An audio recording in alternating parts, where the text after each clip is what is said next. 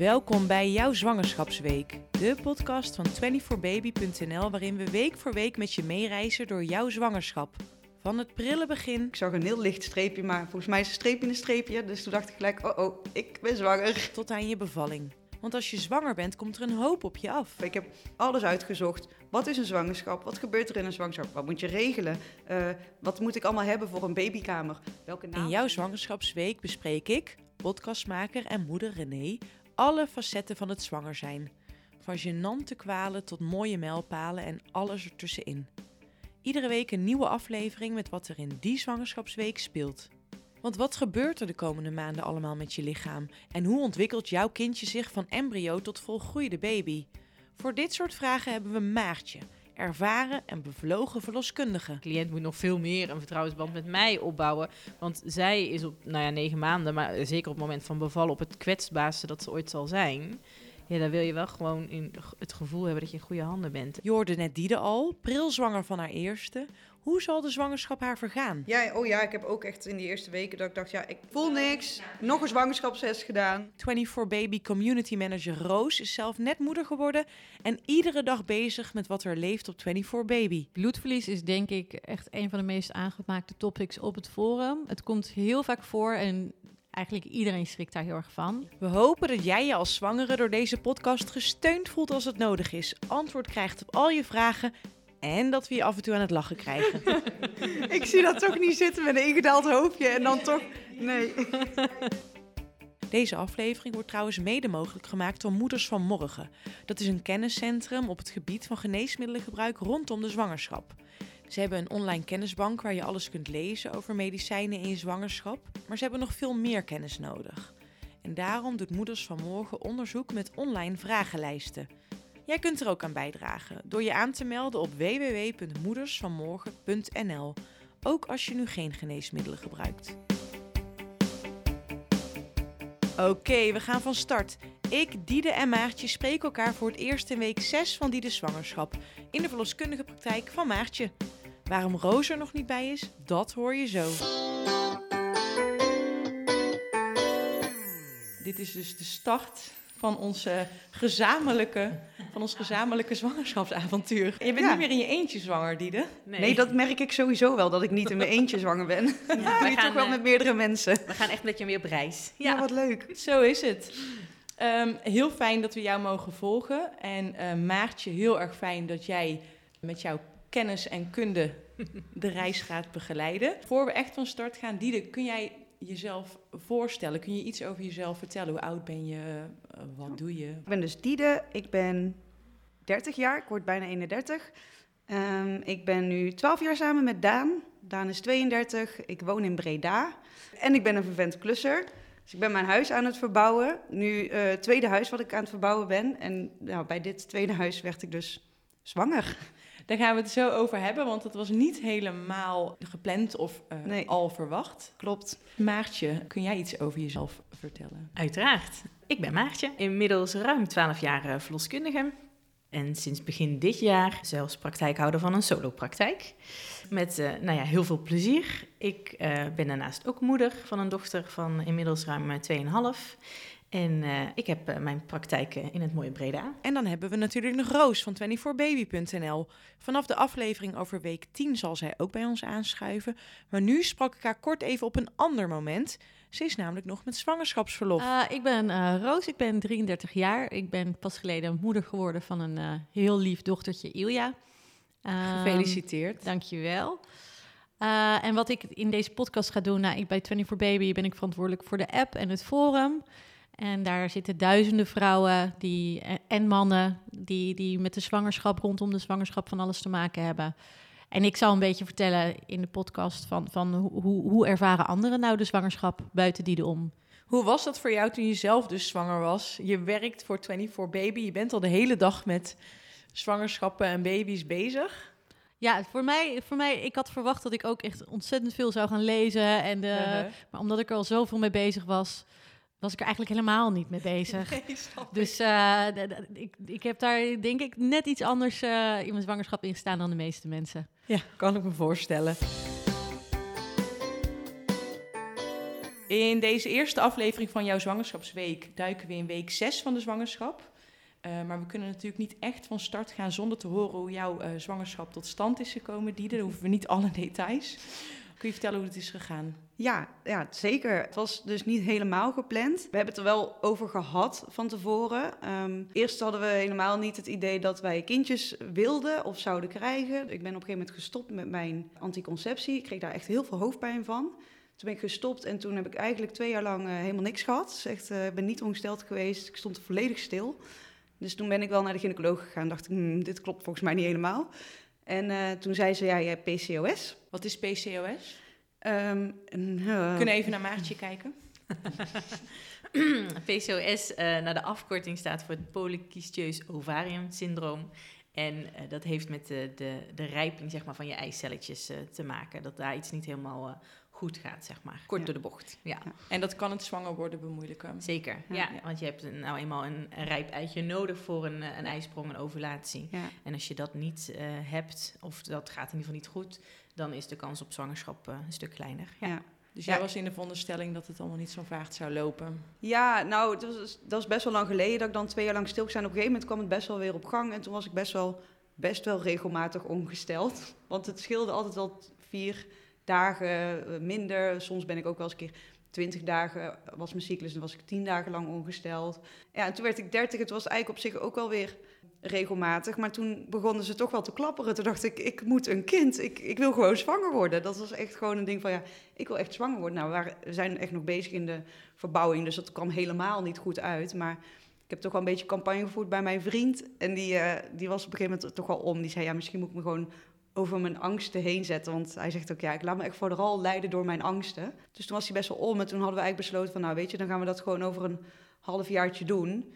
Maar iedereen in onze omgeving wist ook wel dat het een beetje Russisch roulette was bij ons. Dus jullie hadden geen, helemaal geen anticonceptie en gokten een Nee. beetje op Ja. eh, welke Ja, we dagen wer- wel en niet. Ja, we werkten eromheen. Ja. Maar dat eh, was niet goed gelukt. en toen was ik zwanger. Dus het was echt wel, dat kwam echt als een verrassing. Want ik had, het, ik had hem echt niet zien aankomen. Mijn cyclus was toen ook best lang. Ja. En ik leefde toen best wel goed. Ik, ik eh, dronk niet te veel, ik dronk niet te weinig. Weet je wel, dat, dat, ik, moest, ik moet echt heel erg in balans leven. Wil mijn cyclus ook in balans zijn? En blijkbaar was dat tien maanden niet helemaal aan de orde. En eh, ja, toen ben ik zwanger geworden.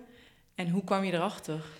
Ja, ja ik, ik, ik was over tijd. Nou, dat gebeurde dus wel eens vaker. Dus daar maakte ik me niet zo zorgen om. Maar mijn borsten groeiden ook echt. Toen dacht ik, hmm. Ja, en ik moest ook heel veel plassen. Dat kon ik me ook herinneren. Dus toen dacht ik, ja, dit eh, kan wel eens eh, raak zijn geweest. Dus ik, ja, ik heb het overlegd met, met Daan. En toen zei hij van, nou, weet je, laten we gewoon twee weken wachten. En dan weet je het zeker. Ik dacht, nee, ik wil een zwangerschapstest doen. Dan weet ik het ook zeker. Dus daar hadden we een beetje discussie over. En hij ging weer verder klussen. Toen dacht ik, ja, ik moet naar de winkel. Ik, ik wil dit weten. Dus toen heb ik in mijn schuur op de bouwtoilet eh, de zwangerschapstest gedaan. Ik woon in de schuur. Sorry, dat heb ik helemaal niet verteld. Ik woon dus nu in een schuur. Dus, Omdat je huis nog helemaal in de stijger staat. ja, mijn kind is eh, verwekt in een schuur. Ja, het is echt eh, een ernstig verhaal. Maar goed, het is wel een heel gezellig schuurtje. Een beetje een tiny house. Ehm, dus ik heb mijn zwangerschapstest daar gedaan en toen eh, was hij positief. Ik zag een heel licht streepje, maar volgens mij is een streepje een streepje. Dus toen dacht ik gelijk, oh oh, ik ben zwanger.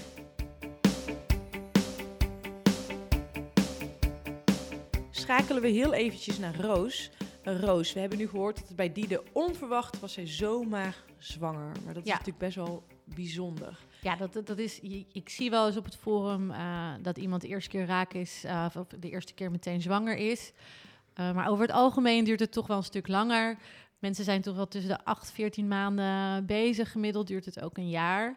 En eh, ja, veel vrouwen gebruiken ook wel hulpmiddelen erbij om, om zwanger te worden. Dus ze, ze gebruiken een app om de vruchtbare dagen bij te houden of ovulatietesten. Eh, ook wel wat huistuin- en keukenmiddeltjes. Dus, Zoals? ja, ik, ik zag iets voorbij ko- komen over het sap van uitgekookte uien. uien. Als je dat 's ochtends en 's avonds zou drinken. Nou, en de een, ja, die gelooft er heilig in. Eh, ik laat maar even in dit, het midden. dit soort gekkigheden, dat laat natuurlijk vooral zien hoe hoe, hoe mensen ermee bezig zijn. Ja, en hoe belangrijk het voor ze is. En je ziet ook gewoon, helaas, en hoe vervelend dat ook is, dat sommige mensen gewoon jaren bezig zijn.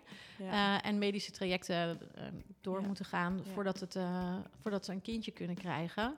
Dus die heeft wel echt geluk gehad. Maar gemiddeld, als je een beetje naar het gemiddelde kijkt, duurt het ongeveer een jaar.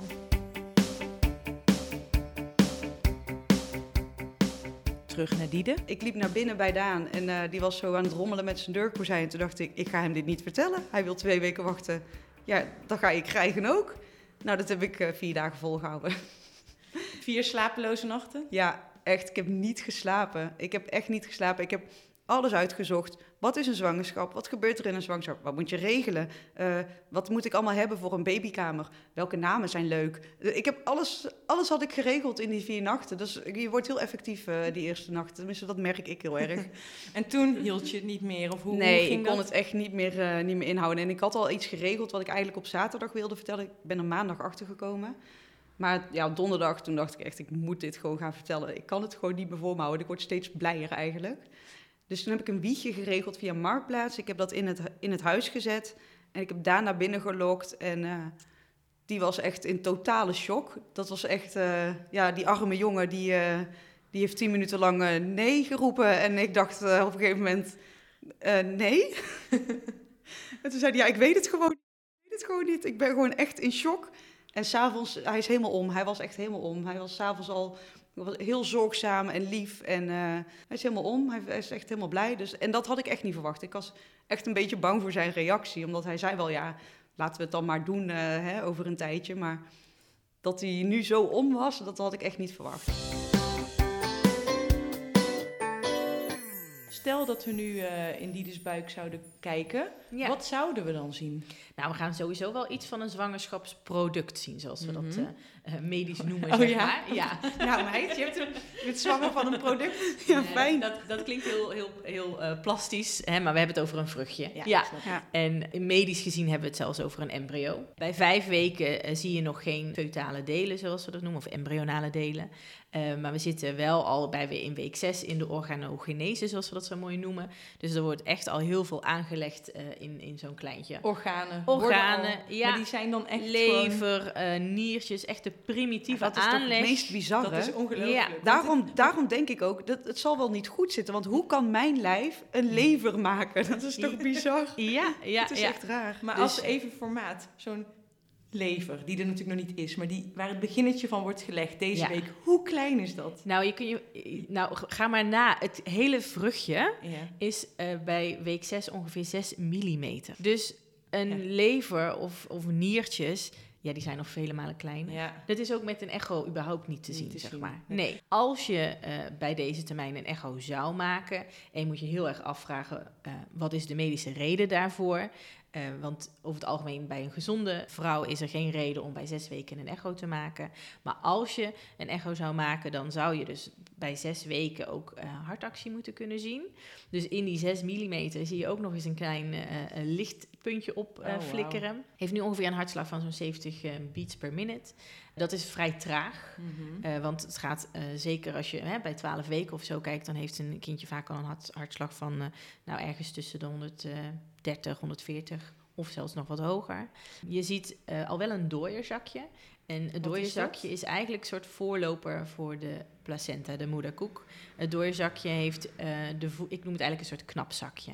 Het is eh, waar ook de navelstreng nu op eh, bevestigd zit. En daar zit de voeding in voor eh, het kindje om, om deze groeifase door te kunnen maken. Dus het is nog super, super klein. Zeker. Maar ondertussen gebeurt er in het lichaam van de vrouw juist onwijs veel, toch? Van in alles, het eerste ja. trimester. Kun je daar iets over vertellen? Ja, een beetje biologieles. Hè, wij als vrouw hebben natuurlijk een ovulatiecyclus, of een menstruatiecyclus moet ik zeggen, met meestal zo rond dag 14 een ijsprong, een ovulatie. En als dat eitje dan ook bevrucht wordt in, nou zeg die drie, vier dagen aansluitend, dan dat die bevruchting vindt plaats in de eileider, dan gaat dat bevruchte eicelletje reist als het ware naar de baarmoeder en daar nestelt het zich in in de baarmoederwand. In de ei, ehm, eierstok, waar dat eitje is ontsprongen, daar blijft een, een soort restje achter. En dat gaat bij een bevruchting, gaat dat het HCG-hormoon produceren. En dat is ook wel je zwangerschapshormoon. Ja. En daar komen de meeste klachten van zwangeren in het eerste trimester vandaan. Niet alleen je HCG-hormoon, maar ook oestrogenen, progesteron. Dat is een hele hormoonkaskade, zoals we dat noemen, die in werking treedt om eh, de zwangerschap in stand te houden. Want je moet je ook hè, niet vergeten, het is natuurlijk iets lichaamsvreemd. En normaal gesproken is het lichaam erop getraind, omdat als er iets in het lichaam plaatsvindt wat daar niet thuis hoort, dat het wordt afgestoten. Mhm. Denk aan een virusinfectie, een bacteriële infectie. Je hebt natuurlijk hè, je immuunrespons. Ja. En dat wil je natuurlijk niet als je zwanger bent. Dus die hormonen zorgen er ook voor dat je immuunrespons wat afneemt. En dat dit eitje netjes kan innestelen en in negen maanden tijd kan volgroeien tot een volwaardig kind. En die hormonen die zorgen ervoor dat je, eh, nou ja, eh, hoofdpijn komt veel voor, vermoeidheid, gevoelige borsten, eh, misselijkheid gaat erbij horen. Wat later zie je vaak ook brandend maagzuur, vaker naar de wc. Ik heb er wel veel hoofdpijn gehad. En ik denk dat ik nu in week 6 wel een dag heb gehad dat ik dacht, is dit misselijkheid? Dus tot nu toe vlieg ik er wat dat betreft doorheen. Dus ik hoop dat dat zo blijft. Maar ik ben bang wel dat het, dat, dat nog wel gaat veranderen. Het, het stijgt nog, hè, dat hormoon. Ja, ja het. HCG-hormoon eh, dat eh, ja, verdubbelt, verdrievoudigt, dat gaat Ja. echt heel rap. Zijn er nou nog speciale dingen waar je in deze week op moet letten? Want ja, je weet nu twee weken dat je zwanger bent. Ja. Eh, mag je nog vol sporten bijvoorbeeld? In principe wel, ja.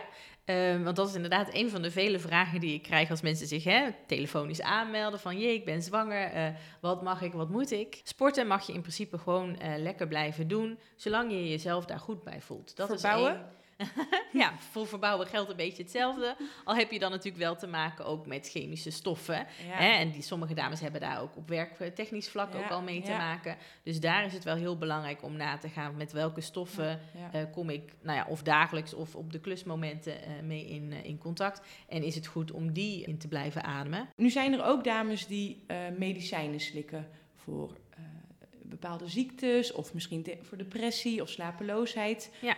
Hoe zit het daarmee? Op het moment dat ze zich bij mij aanmelden en ook hè, kenbaar geven dat ze eh, die medicatie gebruiken, dan verwijs ik ze eigenlijk altijd even terug naar de behandelend specialist. Want ik ben verloskundige en ik ben geen arts die verstand heeft van nou ja, welke medicatie iemand dan ook gebruikt. Eh Diede, eh, geldt dat voor jou? Ja, ja, ik belde Maartje en toen zei ze, ze- zij kon in mijn dossier, daar had ik toestemming voor gegeven. En zij zei gelijk, hey, ik zie dat jij methylfenidaat slikt, wat even voor de luisteraars eh, een soort van Ritalin is. Ehm, Tegen ADHD? Tegen ADHD, ja. Dus eh, wat concentratieprobleempjes. Hm. En gelukkig ehm, was ik daar al flink mee afgebouwd, omdat ik, eh, omdat ik dacht, ja, het gaat eigenlijk wel goed. Ik kan wel, eh, wel redelijk zonder. Ehm, ik kan me wel bedenken dat als ik daar nog afhankelijk van was, dat dat afbouwen wel voor mij wel pittig zou zijn. Ja. Dus dan had ik ook echt wel afgebouwd en had ik toch wel even de dokter gebeld van hoe ga ik Ja. dit nou aanpakken. Hoe gaat Dus- het nu? Ja, goed. Ja, ik eh, ik merk dat ik qua concentratieproblemen sowieso niet heel veel last heb. Ik, ik voel me toch best wel effectief eigenlijk. Dus dat gaat tot nu Ja. toe eh, best wel goed. Maar ja, misschien dat mijn gedachten ooit nog ergens anders op worden gezet. Als ik wat groter word en meer klachten krijg. En, eh, dus misschien dat ik daar wel wat meer last van krijg. Maar ik, ja, ik, ik heb wel wat geluk dat ik dus al was afgebouwd. Dus dat was wel fijn. Ja, wat Ja. goed. Mocht je nou luisteren en over dit specifieke onderwerp vragen hebben, dan kan je dus in de databank kijken van Moeders van Morgen. En daarin lees je alles over wat je wel en niet tijdens je zwangerschap eh, mag slikken. Ehm er zijn er natuurlijk die er ook heel veel dingen die je niet meer mag drinken en eten. Gaan we het later in deze podcast nog wel meer over hebben. Maar is er iets waarvan je nu denkt, dat ga ik echt missen de komende maanden? Eh, ja, drank denk ik toch wel. ik heb echt, nou, ik heb dat ook tegen Maartje gezegd, want in week drie, dus dat is eigenlijk de eerste week van mijn bevruchting geweest. Toen was het Koningsdag en ik drink eigenlijk normaal niet heel veel, maar ja, ik dacht die week gewoon, ja, ik ga lekker los, want ik, ja, dat kan. Maar dat gebeurt heel vaak, hè, denk ik. Ja Maartje. hoor, dat zeker. zeggen, oh, ik heb, ik heb het zelf ook ik heb, gehad. ja. Ja. ik heb zoveel dames die dan... Hè, de eerste zin is, ik ben zwanger. En de tweede is, maar ik heb wel gewoon gedronken. Ja. Eh, en nou ja, gelukkig heeft moeder natuur daar ook een soort van beschermmechanisme. Dat is niet meteen een vrijbrief Nee, nee, om maar te zeggen: Nee, oh nee. joh, eh, die eerste paar weken maakt het niet uit. Nog steeds bij kinderwens is het advies om eigenlijk dan al je leefstijl aan te passen. Omdat je inderdaad, wat je zegt, je weet niet wanneer je zwanger wordt. En je weet het pas als je eigenlijk al twee weken zwanger bent, omdat je dan over tijd raakt. Ja. Ehm, maar eh, eh, een- wat ik al zei, hè, het kindje heeft nog geen placenta. En de placenta is natuurlijk de verbinding tussen moeder en kind, eh, zeker qua bloedsomloop. Een kindje heeft nog zijn eigen, do- eigen dooierzakje. En daar krijgt hij zijn voeding uit de eerste, de eerste weken. Ehm, en heel cru, als jouw leefstijl eh, of, of iets anders, hè, je kan ook net, ik noem wat ziek zijn in het begin van je zwangerschap, als dat dusdanig ernstige gevolgen heeft voor je zwangerschap, ja, dan kan het zijn dat het zich eindigt in een miskraam. Ja, en dat is eigenlijk ook weer het beschermmechanisme van moeder natuur om jou te behoeden voor een kindje met dusdanig ernstige afwijkingen, die, eh, eh, nou ja, een zwangerschap en kind gaat je leven sowieso op zijn kop zetten, maar ik kan me goed voorstellen dat een kindje met afwijkingen dat nog eens drie keer zo hard doet. Ja, ja. maar mo- eh, zwangeren die luisteren en met dezelfde zorg zitten van... hé, hey, ik heb toch nog wel wat biertjes of wijn gedronken. Ja, Ehm, ja, het is ja. natuurlijk niet de bedoeling, maar het Nee. is gebeurd. Je hoeft niet meteen te denken dat het... eh, Foute boel is absoluut nee, niet. nee. Nee. hoor, 9 van de 10 keer eh, eh, eh, gaat het gelukkig goed. Ja, omdat moeder natuur dat mechanisme gewoon, eh, gewoon bedacht heeft. Kun jij het loslaten, je zorg daarover? Ja, ja, zij zei dat. Toen dacht ik, nou oké, dan zien we wel. Ja. Maar dat biertje of wijntje, wat, wat ga je missen? Ja, ik ga dus vooral het bier denk ik wel missen. Ik, eh, ik hou echt wel van een wijntje en een prosecco vind ik ook heerlijk. Maar bier, dat is toch wel ja, zo'n lekker biertje aan het einde van de dag of begin van het weekend. Dat eh, ga ik Ja. echt heel erg missen, denk Ja, ik. de alcoholvrije bieren, kan ik je na twee zwangerschappen vertellen, ze zijn echt tegenwoordig Ja. helemaal top. Ja, Dus, en ik eh, dronk ook stiekem al best wel wat alcoholvrij Ah, bier, kijk. omdat ik dat eigenlijk best wel lekker vind. Maar het is toch wel anders dan echt bier. Ja, ja. ja. Nou, dat biertje ga je missen, maar gelukkig eh, genoeg alternatieven daarvoor voorhanden. Volgende week, week 7. Hopelijk gaat het goed met je. Heb je nog steeds niet zo heel veel kwalen. Maartje, dank je wel. En eh, we Graag zien, eh, ik Ja. zie jullie volgende week graag. Tot Zeker. volgende week. Tot dan. Tot dan.